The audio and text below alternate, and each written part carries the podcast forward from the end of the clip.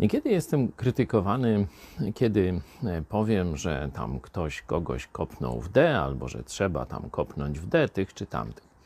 Oczywiście w języku potocznym nie oznacza to e, fizycznego aktu kopania, ale wyrzucenia kogoś, wygonienia kogoś.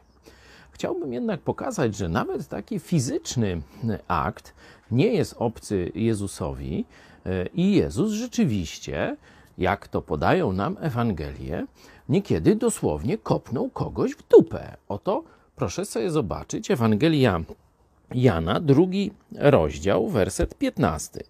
Jezus, skręciwszy bicz z powrózków, no jak bicz, to znaczy, żeby w dupę przyładować, nie? Bo chyba nie dla pokazu.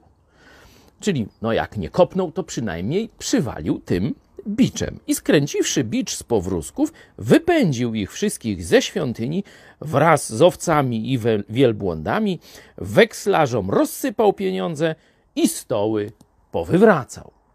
To jest Jezus Biblii. Kiedy widzi zło, kiedy on jest za nie odpowiedzialny, bo to w domu jego ojca bandyci robią jaskinie zbójców, targowisko, czy on ma prawo zrobić tam porządek, to reaguje dość brutalnie, przyznacie.